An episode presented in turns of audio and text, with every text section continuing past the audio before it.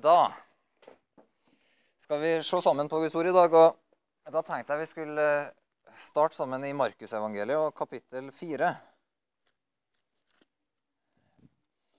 Jeg har lyst til å i dag se på hva er det Gud gjør, og hva er det vi gjør når mennesker blir født på ny og vokser opp i Guds familie. Ok? Eh, så da skal vi starte i Markus 4, eh, vers 26. Og Her forteller Jesus en lignelse som, eh, som er veldig nyttig for alle som ønsker å gi evangeliet videre. Han sa, 'Med Guds rike er det sånn her.' Det er som når en mann har sådd korn i jorda. Han søv og står opp. Det blir natt, og det blir dag, og kornet det spirer og vokser. Men han vet ikke hvordan det skjer. Av seg sjøl så gir jorda grøde. Først strå, så aks, og til sist modent korn i akset. Og så snart grøden er moden, svinger han sigden, for høsten er kommet. Så Jesus han forteller om at Guds rike, det å være en arbeider i Guds rike, da, det er det har alltid med seg et sånt eh, mysterium. Det skjer, Guds rike går fram på måter som vi ikke forstår fullt ut. Og Her eh, sammenligner de det med en eh, bonde. Og Man kan jo tenke at bonden han vet alt om eh, hvordan ting skjer. Ikke sant? Det er jo det som er faget til en bonde, å vite hvordan ting vokser. Men til syvende og sist så er det et mysterium. Fordi han sår et såkorn, i jorda uten at han eh, gjør noen ting fra eller til, eh, annet enn kanskje å sørge for eh, vann og lys og, og vite at han sår det på rett sted og litt sånne ting, så bare vokser det opp. Eh, og, og, da, og, da, sier han at det, det, er noe som skjer Han vet ikke hvordan det skjer, men av seg sjøl så gir jorda grøde. Først strå, så aks, og til sist modent korn i akse. Så Jesus han sier at, at en ting vi trenger å vite om Guds rike, det er at det er et rike der det skjer en del ting som vi ikke forstår. Men der vi kan være med på det Gud gjør. For dette er et sånt uh, rike der vi samarbeider med Gud. Men det er alt som går på at det blir liv, at det blir vekst, at det blir forandring. Det er det Gud som gjør. Og det er jo veldig befriende. Så like lite som en bonde på en måte eh, om våren kan stå og så kjefte på aks, eh, det her eh, første spiren for å få det til å vokse opp, like lite kan eh, man få en ny fødsel i gang med å liksom bruke stortromma. Ja, eller like lite som en, en bonde kan, liksom skal, kan prøve å trekke i eh, den nye spiren for å få ham til å liksom strekke seg litt. Like lite kan vi i den veksten som skjer i Guds rike, prøve å dra i folk. For det er noe som, det er et liv som bare skjer. Men det er et såkorn som blir lagt i jorda, og så er det en bonde som legger seg og sover. Tenker jeg Når Jesus bruker denne lignelsen, så tenker jeg at eh, som regel med lignelsene så skal man ikke prøve å presse, presse liksom eh, innhold inn i alle detaljene. Men det kan jo hende at eh, lignelsen er fortalt sånn for å få en del kristne til å slappe av og vite at eh, slapp av, det er Gud som gjør jobben. Sjøl om hovedpoenget her er du sår et frø i jorda, du vet ikke hvordan det skjer, det bare vokser.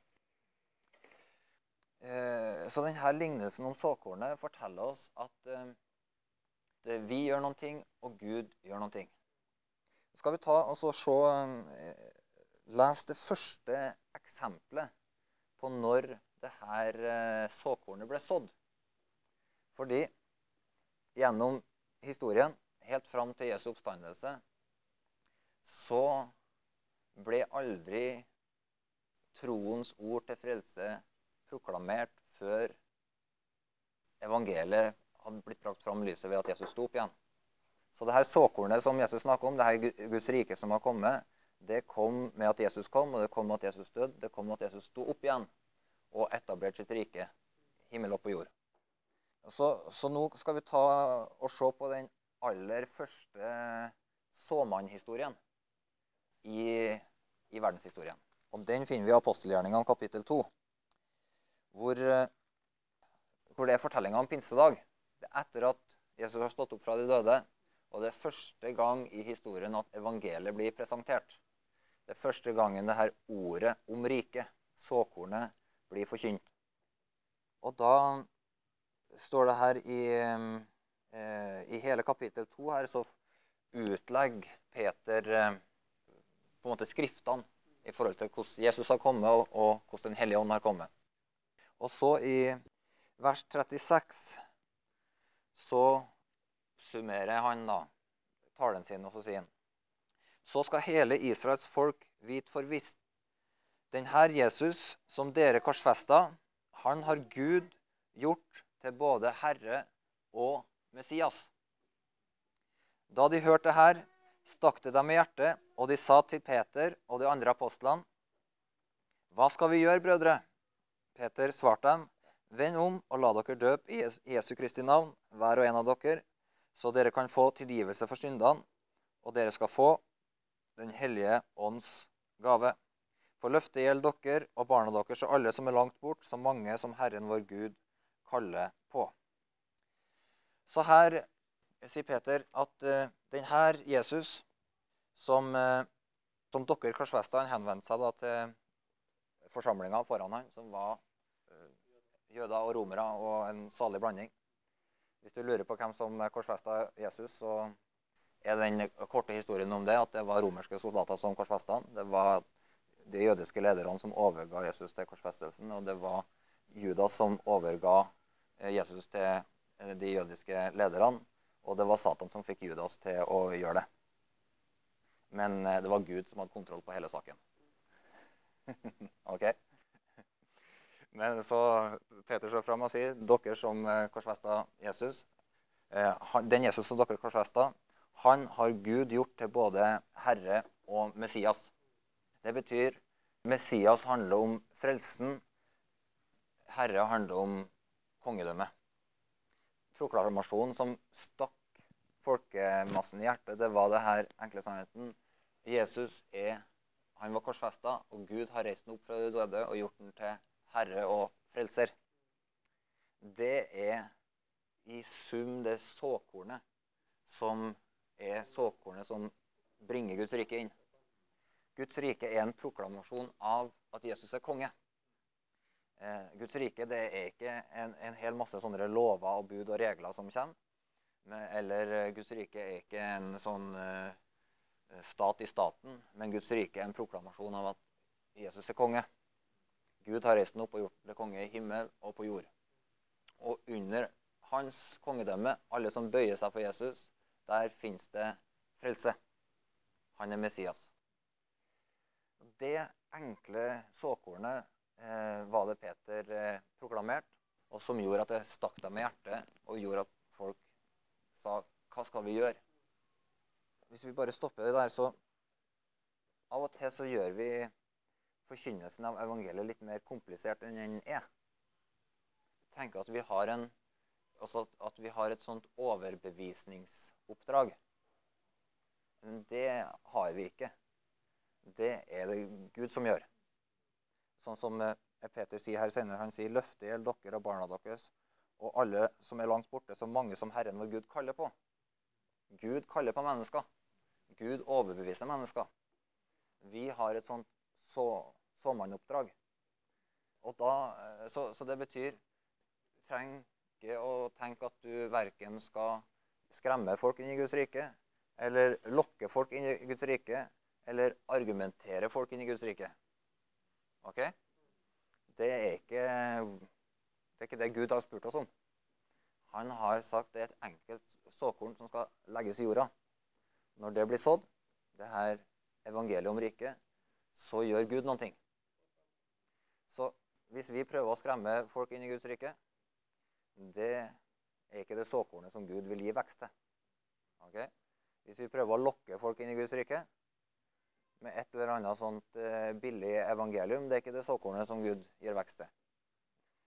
Du kan ta alle de her ulike versjonene. Det er noen som sier du må overbevise folk med loven i hånd om at de er syndere. Men det er egentlig ikke nødvendig. Fordi at det er Den hellige ånd som gjør det. Når vi proklamerer at Jesus er konge, så finner du veldig fort ut om Jesus er konge i livet ditt eller ikke. Og for det, det vet alle. Er Jesus konge i livet ditt? Ja eller nei? Og hvis han ikke er det, så lever du opprør mot Gud. For Gud har reist Jesus fra de døde og gjort han til konge. Det er evangeliet om riket. Så, så alle de her, de her menneskelige forsøkene på å få folk inn i Guds rike, dem kan vi bare legge bort.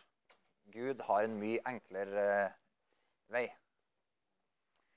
Han har et sånt et såkorn som legges i jorda, og det såkornet det er en proklamasjon om at Jesus er konge, og han er frelser. Veldig enkelt. Og den enkleste måten å, å få forklart det på, det er å fortelle historien om mannen fra Nasaret som ble korsfesta, lagt i grav, og som Gud reiste opp fra de døde, og som sitter ved Guds høyre hånd. Den fortellinga, den faktafortellinga, er det som er evangeliet. Bare stopp kort ved det her med at det her, den fortellinga er Guds kraft til frelse. Hvis vi går til første Korinterbrev, kapittel 1 der, og vers 18 og utover. Bare hør hvordan Paulus skriver om det her evangeliet, det her såkornet. For det, det, tror jeg er veldig viktig. Det er ekstra aktuelt for oss i dag. Jeg tror det her er Kanskje er det her ordet mer aktuelt enn noen gang. For ordet om korset er dårskap for dem som går fortapt. Men for oss som blir frelst, er det Guds kraft. Eh, det betyr, altså det er en, Ordet om korset det er en De som går fortapt, vil si det her er dumskap. Det står jo skrevet Jeg vil ødelegge de vises visdom, og de klokes klokskap vil jeg gjøre til ingenting. Hvor er da de smarte? Hvor er de skriftlærde? Hvor er de kloke hodene i verden? Har ikke Gud vist at verdens visdom, det er dumskap? For da verden ikke brukt visdommen til å kjenne Gud i hans visdom, beslutta Gud å frelse dem som tror, ved denne dumskapen som vi forkynner. For jøder spør etter tegn, og grekere, de søker visdom. Men vi forkynner en korsfesta Kristus. Eh, han er en snublestein for jøder og en dårskap for hedninger. Men for dem som er kalt, både jøder og grekere, er Kristus Guds kraft og Guds visdom. Guds dårskap er visere enn menneskene, og Guds svakhet er sterkere enn menneskene. Er ikke det fantastisk? Gud har gjort evangeliet så enkelt at eh, det til og med er Det kalles Guds dårskap. Altså, Gud har gitt oss et evangelium som er så enkelt at noe av anstøtet i det, noe av det som gjør at folk sier nei takk, det er at det er for enkelt.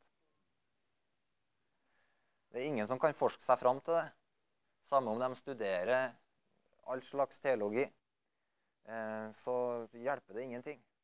Fordi at det er så enkelt at til og med den viseste mann på jorda må bøye hjertet sitt for Gud og si at eh, det er kun din nåde, det er kun ditt verk. Det er kun du som har gjort det, Gud. Eh, og det gjør at tjenesten for evangeliet, det er, det er en sånn dobbel tjeneste. For på den ene sida så går du med det beste budskapet i verden. Og på den andre sida så går du og skal møte folk med et budskap som er så enkelt at uh, sjøl et barn kan forstå det så troa på kraften i evangeliet gjør at vi, at vi deler verdens enkleste budskap. Eh, og vi prøver ikke å argumentere folk inn i det. Vi trenger ikke å prøve å skremme folk inn i det. Vi trenger ikke å prøve å lokke folk inn i det.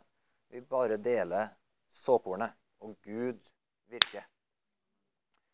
Gud vil ha såmenn. Gud vil ha et lydig folk som gir evangeliet, og så er det han som virker. Så det gjør da at eh, det er ingen av oss som trenger å avskrive oss sjøl fra å være med på denne fantastiske Guds rike-arbeidet som skjer. Det, du trenger ikke å være flink til å formidle ting for å formidle evangeliet. Det er en enkel historie. Du trenger ikke å være trenger ikke å bygge en logisk argumentasjon. Du trenger ikke det ene eller andre. Det er bare en enkel historie som gjør at uh, alle vi som er her, vi kan være med oss og så evangeliet. Så er det til og med sånn at uh, når du har gjort det, så kan du ikke gjøre noe til eller fra for at det skal skape liv. Det, det er bare å gå og legge seg. Og så virker Gud på det evangeliet som er sånn. La oss gå til første Peters brev og kapittel 2. Eller kapittel 1 og vers 23. Eh, Her står det Dere er født på ny, ikke av forgjengelig sæd, men av uforgjengelig, ved Guds levende ord, som er og blir. For alle mennesker er som gress, og all deres prakt som blomsten i gresset. Gresset visner og blomsten faller av, men Herrens ord varer til evig tid. Dette ordet er evangeliet som er forkynt for dere. Legg derfor bort all ondskap, falskhet, hykleri, misunnelse og sladder, og lengt som nyfødte barn etter ordets rene melk, så dere ved den kan vokse til frelse. For dere har smakt at Herren er god. Så her sier han at at det såkornet som er Guds levende ord, det er et ord som føder på ny. Så han sier det her evangeliet som vi sår, og som vokser opp til et nytt liv Han bruker et annet uttrykk på det. Han sier det evangeliet, det ordet, det skaper en ny fødsel. Så Han snakker både om en åker og noe som vokser opp, og så snakker han om en sæd som eh, befrukter og lager en ny fødsel i mennesker sitt liv. Her er to, to ting som uttrykker den samme åndelige realiteten. Da. Og så snakker han da om det her, denne sæden den, den føder et liv, og det her livet det vokser opp ved at det næres ved det rene ordet fra Gud, melka. Så Guds ord her hjelper oss, hjelper oss inn i Guds verden til å forstå hvordan er det Gud er det Guds rike går fram? Hvordan er det evangeliet går fram? Hvordan er det mennesker blir frelst? Så vi trenger å, å på en måte få tak i de her eh, bildene som Bibelen bruker for å forklare oss noen sånne usynlige åndelige realiteter. Så han sier det som skjer når troa og ordet smelter sammen, det er en ny fødsel. Et helt nytt liv. Og det er et nytt liv som trenger mat. Og det kan ikke næres med hva som helst. Det eneste som får det her nye livet til å vokse opp, det er det rene, uforfalska melka som er Guds ord. Så her gir det oss, noen sånne bilder som forklarer oss vekstprinsipper for det nye livet. Peter på pinsedag La oss gå tilbake til, bare La den der tanken henge her, og så blir vi med tilbake til pinsedag. For når Peter da har proklamert evangeliet på pinsedag, så sier folket hva skal vi gjøre for å bli frelst? Og han svarer Peter svarte dem tre ting. Vend om, bli døpt, la dere døpe. Så skal dere få tilgivelse for syndene, og dere skal få Den hellige ånds gave. Ok? Så han sier det er tre sider her ved det som skjer i Og alt det her er på en måte henger sammen med den nye fødselen. Gud skaper et liv. Det, når ordet kommer til oss, så er ikke alltid Sånn som på pinsedag, så var det ikke et veldig langt svangerskap. Svangerskapet varte fra Peter forkynte evangeliet, og så skapte et liv, en tro som smelta, ordet smelta sammen med, og et nytt liv som sa 'Hva skal vi gjøre?' Og så skjedde fødselen på 1, 2, 3. Det var en omvendelse. Slutt å gå sin egen vei. Du har møtt kongen. Begynne å gå hans vei. Så var det en dåp i vann. Det vil si det var en begravelse av det gamle livet. Begrava med Jesus, reist opp til et nytt liv.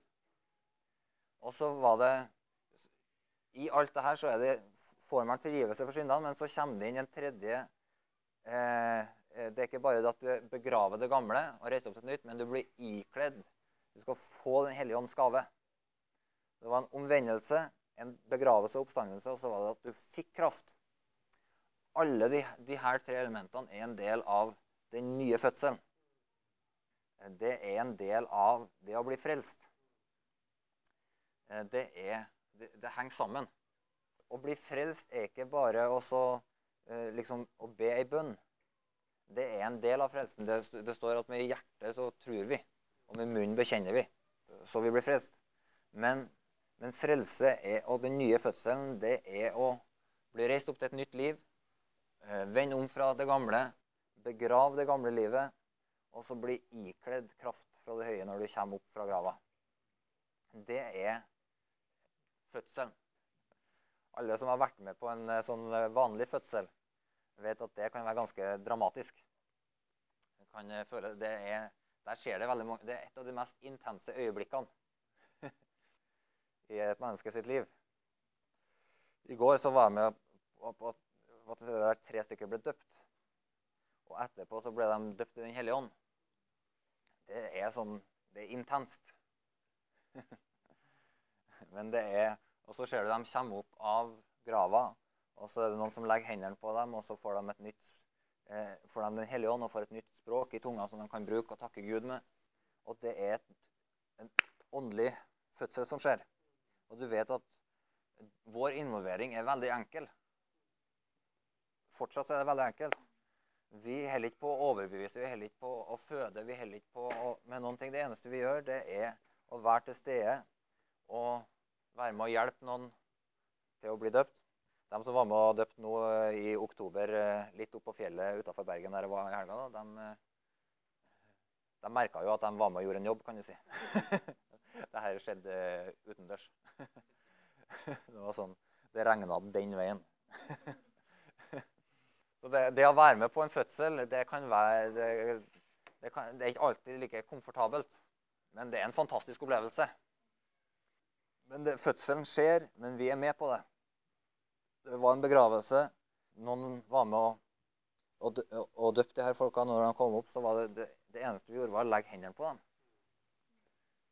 Så kom Jesus og døpte dem i Den hellige ånd. Så, så, her, så, alt vi er med på, er veldig enkelt. Men Gud virker med sin kraft. Det er et enkelt evangelium, en enkel historie. Vi gjør det veldig enkelt. Vi tar noen under vann og opp igjen. Det er veldig enkelt og vi legger hendene på dem. Det er ikke så veldig komplisert. Alt det her er innenfor det vi må kunne si er overkommelig. Men i det her så gjør Gud et mirakel som kalles en ny fødsel. Og de her ulike elementene av en omvendelse, av en begravelse, av en oppstandelse og en ikledning av kraft, er alle deler av den nye fødselen. Så hvis du tenker at en fødsel er liksom fra riene til du har klippet navlestrengen, eh, et eller annet sånt, så kan du tenke at det er en del ting som skjer i denne nye fødselen nå. Uten at jeg skal prøve å forklare hvilke elementer det her er. dere er med, men dere er med i bildet. Det er en del ting som skjer i en fødsel. Det er ikke bare et sekund, et øyeblikk. Mens, og sånn er det med det nye livet òg. At, uh, at det, er, det skjer en del ting. Og du må ha med hele fødselen. Det er, det er for ille å ta f.eks. Eh, å la en baby bli født og aldri få klippet navlestrengen. Da stinker det etter hvert. Eller du trenger å få fullt lungene med luft. Det er en del av fødselen. Det er ikke, den er ikke fullbrakt eh, før det er luft i lungene og den puster sjøl. Så det nye livet starter med et ord som unnfanger et liv, og det forløses ved omvendelse, dåp og dåp i Den hellige ånd. Amen. Og så sier da Peter her at eh, som nyfødte barn, lengt som nyfødte barn etter ordets rene melk, så dere ved den kan vokse til frelse. Så Peter, eh, han eh, sier det er Det starter med en fødsel, og så er det et nytt liv som det er en utvikling. Så det er noen som sier og bare Jeg husker den dagen da jeg ble frelst. For en dag. Bare alt har vært som den dagen. Den tanken eh, støtter ikke Peter. Fordi det er en forferdelig tanke. Hvis det er sånn at det er som den dagen du ble frelst, hele livet ditt, det er, det er ikke på linje med det Gud vil. Den første kjærligheten Hvis det er det du snakker om, så er det en god ting. Den første begeistringa for Jesus å ta vare på den. Men Gud har tenkt at det skal være en vandring med han som gjør at det er en vekst og en utvikling. Jeg har lyst til å bare eh, dele noen, eh, noen ting rundt denne veksten. For eh, på samme måte som vi har en involvering i det at mennesker blir født på ny gjennom å så evangeliet og være til stede som jordmødre og jordfedre. Og eh, så kan vi òg være med og gi vekst og gi fostring til det nye mennesket. Til nye fødsler. Hebreerbrevet i kapittel 5 der så snakkes det om et fundament for det kristne livet. De første tingene vi lærer om Kristus.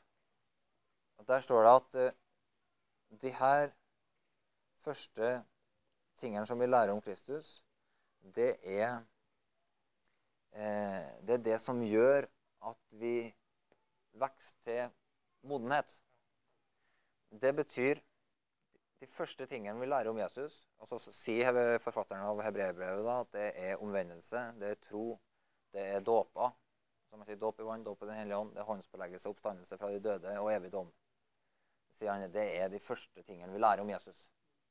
Det å få å kjenne Jesus på de her områdene, det gjør deg ikke moden.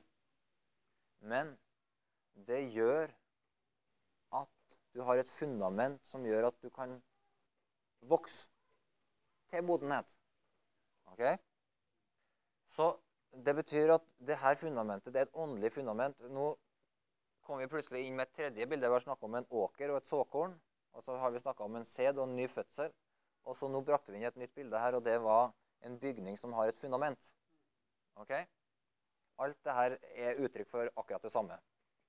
Og så sier han at det her, eh, denne bygningen som Gud bygger oss, det her nye huset som vi er en del av, det har et fundament. Og da sier han det her fundamentet med omvendelse, tro, dåp i vann, dåp i Den hellige ånd, bli del av en menighet, få kjenne Jesus som i oppstandelse fra de døde, og at han kommer tilbake med dom Alt det her, det er en forutsetning for vekst. Det betyr at hvis det er ting i denne fundamentet som ikke er på plass, så skjer ikke den veksten som Gud har tenkt. Men det er ikke sånn at det fundamentet gjør at du, hvis du kjenner Jesus i dette området, så er du umiddelbart på en måte ferdig med den veksten Gud vil ha. Nei, Gud har oss i en sånn kontinuerlig vekst. Og, men dette fundamentet gjør at du kan leve i en vokster med Gud, der du blir kjent med Gud mer og mer for hver eneste dag, der Gud viser deg nye ting, der du kan få erfare at du får leve i hans ledelse, i at du erfarer at, at fellesskapet med Jesus det er ikke en sånn der minneseremoni der du går gjennom et eh, kirkeår med ulike eh, høytider der du husker på forskjellige ting ved Jesus sitt liv, og prøve å minne deg sjøl om det her så ofte som mulig, eller noe sånt. Altså, men det, det er et, et, fellesskap sammen med Jesus, en daglig vandring med Jesus, der han er levende til stede i livet hver eneste dag. Og der hver eneste dag er en sånn eh, sted der vi nærer oss ved ordet og vekst, Guds type vekst. Og da kommer vi hele tida tilbake til det her fundamentet som, eh, som eh, vi leser om i Hebreerbrevet, og som er nevnt andre steder og i Det nye testamentet. Fordi at eh, uten omvendelsen så stopper veksten. Uten troa så stopper veksten. Eh, uten dåpen så er det ikke noe, en frihet til å leve et nytt liv. Uten dåpen i Den hellige ånd så er det, ikke det er ikke en daglig vandring sammen med Gud. Det er, det er, på en måte en avstand. Så det her er det veldig mange eh, sider ved denne grunnvollen som gjør at, at eh, hvis det ikke er på plass, så, så, så vokser vi ikke Guds type vekst. Men når det er på plass, så pulserer livet på Guds måte. Og da vil vi se at, at det her nye livet hver eneste dag vokser til modenhet. Amen. Når eh, den nye fødselen har skjedd, når grunnvannet er lagt, og Guds type vekst får vokse, så er det noen sånne vekstprinsipper som jeg tror det er viktig for oss alle å bare huske på. Det ene er Husk at veksten skjer ved den rene melka. Sånn som det står her i Petersbrevet. At vi vokser lengt som nyfødte barn etter ordets rene melk, så, ved, så dere ved den kan vokse. Det betyr at, at det nye mennesket har en diett. Det vokser ikke ved hva som helst. Kan ha masse input. Få input av mange gode kristne tanker og meninger og andakter. og Kanskje du hører en del kristne sanger. Alt det der er bra. Men for å vokse Guds type vokster, så må vi ha ordets rene melk. Få melka i blodet. Det er ordet fra Gud som skal bli kjøtt og blod i livet. Så aldri erstatt ordets rene melk med noe annet. Ikke prøv å få det nye mennesket. Altså Hvis du prøver å nære det nye mennesket bare med, med andakter eller podkaster eller uh, you name it, sanger og ting som du finner rundt omkring, det er ikke nok. Det er ikke rett diett. Gud vil ha oss på ordets rene melk. Det betyr ikke at du trenger å sitte og lese Bibelen mange timer om dagen for å være sikker på at du får nok mat til denne nye skapningen. Men det betyr at det her ordet, det er mat. Det betyr vi trenger å komme til ordet på en sånn måte at uh, Gud kan nære oss. Ikke gå bare til sånne sekundære kilder, men la oss ha vaner der vi møter Gud i ordet. Og ikke nødvendigvis trenger du å skjønne alt du leser, men du gir det nye mennesket en diett som gjør at Gud kan begynne å virke. En sånn grunnanbefaling for å vokse Guds vekst, det er også spise av ordet. Ikke så, nødvendigvis, Du trenger ikke å forstå alt, men spis av ordet på en sånn måte at Den hellige ånd kan komme og gi åpenbaring og gi nytt lys. Og da er det beste det er å lese ordet og snakke med Den hellige ånd om det, og så snakke med søsken om det. Ok? Fordi når vi Og, så sier jeg at jeg snakker med søsken om det. Ikke bare ha en dialog med bibelkommentarer eller eh, podkaster eller osv., men snakk med søsken. Og det er fordi at med den nye fødselen så kommer det en familie. Det er, veldig, veldig, det er, et veldig stort område i Det. Det er at vi er født inn i Guds familie. Vi har fått en storebror, det er Jesus. Vi har fått en far, som Jesu Kristi far. Og så har vi fått masse søsken. Storesøsken og småsøsken. Og alle dem formidler Guds liv og Guds vekst inn i livene våre. Og det er faktisk viktigere. Det er en bedre diett. Det er en bedre diett for meg å ta med meg denne Bibelen og så ringe på døra til Lars Martin og så sette meg ned sammen med han og lese det her ordet sammen med Lars Martin, enn å høre på undervisning fra de ti beste podkastene på nettet. Hvorfor det? Jo, fordi Lars Martin er en bror for meg som Gud har satt i livet mitt. Gud har satt søsken i livet mitt. Han der fantastiske forkynneren på andre sida av jordet, han er broren min, men han er ikke livet mitt. Men her er det bånd. Her er det familiebånd som kommer til uttrykk. Så når jeg setter meg ned med Det kan godt hende at denne, en mann på andre sida av jorda har mer lys enn både meg og Lars og alle vi her til sammen. Men det er bare det at Gud virker inn i mitt liv gjennom de søsknene som Gud har satt meg sammen med. Ok? Og sånn at når jeg kommer til ordet, så får jeg mer lys av det jeg trenger inni mitt liv gjennom å lese dette ordet sammen med Lars Martin, eh, enn å lese det sammen med et oppslagsverk eller en podkasttjeneste eller et eller annet sånt. Fordi at det, ordet som, det levende ordet som bringes inn i mitt liv, det kommer gjennom søsken. Det skjer i en familie. Er ikke det fantastisk? Det er Guds visdom. Og så er det noe annet som skjer når vi da lever sammen med søsken. Det er at det her livet fra Gud det vokser fram på en sånn måte at vi, vi, vi begynner å bygge sammen som en familie. Så det betyr vi, vi næres ved en felles diett her. Det er en familie, vet du, de spiser ikke eh, Hvis du skal bli en del av en familie, så kan ikke du spise Vi er fem i familien. Vi spiser den samme dietten. Okay? Ikke, når vi har middag, så er det ikke fem forskjellige måltid. Det er en, ett måltid. Én rett. Det hender da av og til når vi har, eh, har laks, at vi kjører fiskepinner for de små. Men det er de samme potetene og gulrøttene og sånn for alle. Men eh, jeg skal si at sånn er det i Guds familie òg. Det er det samme ordet som gir oss til oss her, men det er en litt variasjon i dietten inn i den samlinga der og inn i den samlinga der og inn til oss som er her nå. Det er litt variasjon i menyen, men det er det samme måltidet. Okay? Så, det, men, så når vi da begynner å spise sammen og leve sammen, så, så begynner vi å leve i lyset med hverandre. Vi begynner å bekjenne ting, vi begynner å speile hverandre.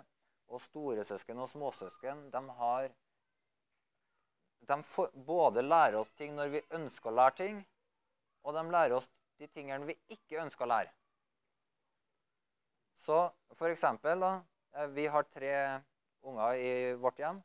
Og eh, storebror han lærer lillebror en del ting. Eh, F.eks. hvordan kan du bygge flott Lego. Lillebror lærer storebror kanskje enda viktigere ting. Hvordan eh, skal du lære opp tålmodighet når du holder på med noe viktig, og det kommer en liten tass i veien for det du egentlig har tenkt å gjøre? Som bare begynner å hylgrine hvis han ikke får være med og spille Minecraft på PC-en. liksom. Så det betyr bidraget til lillebror inn i storebror sitt liv er minst like viktig som bidraget fra storebror inn i lillebror sitt liv. Det Akkurat det samme prinsippet funker i Guds familie òg. Det betyr du trenger, hvis du skal ha makse ut veksten fra Gud, så trenger du å leve så nært til søsken at du merker at du både har storesøsken og småsøsken, og at du har at du har søsken som er så ulike deg sjøl at du må jobbe med ting både som du ønsker å jobbe med, og ting du ikke ønsker å jobbe med. Alt det der er en del av Guds type vekst. Så den rene melka, drikk den. Spis menyen i huset. Ikke prøv å få vekst gjennom noe som skjer et annet sted. Spis sammen med søsken. Og så lev så nært at du både lærer det du vil, og det du ikke vil. Og så det siste er at eh, når du spiser Guds diett, så bruk for all del musklene. Jeg, jeg holder på å trene opp en rygg for tida. Og, da, og jeg har, eh, har, en sånn treningsmentor da, som heter Sindre Solberg. Og han har lært meg det at eh, Håvard, du må huske på det at like viktig som treninga er maten. Så jeg har lært å spise banan og egg og sånne ting. da. Men han gjorde det veldig enkelt for meg, for han sa at når du, sa, når du trener, da er det bare å, når du har trent, så er det bare å spise så mye du klarer. Og sånn er det med, med den, for da vokser musklene dine. Så, men ikke vent, ikke ha for lang avstand mellom trening og spising. Da la det være sånn eh, at det sammen. Det var et tips jeg fikk. Jeg vet ikke om det stemmer, men eh, jeg tror det er noe i det. Og, men, og sånn er det med, med den åndelige veksten òg. At eh, hvis vi spiser uten å bruke kroppen, det nye mennesket, uten å ta oss av søsken, uten å være involvert å gi evangeliet videre, uten å stå i gapet i bønn for folk Hvis vi bare spiser uten å, å bruke musklene, da blir det bare til fett. Da blir det bare slapp. Til slutt så får du ikke lyst på noe mer mat. Du mister matlysten. Du mister livslysten. Og hvis du bare trener uten å spise, så går det òg dårlig. Så du må ha begge deler for å få en vekst. Fordi det er sånn at eh, Veldig ofte så kommer åpenbaringa i ordet ved at du går inn i noen ting. Du tjener Gud, og så kommer du til et sted der du merker at oi, musklene mine de strekker ikke til.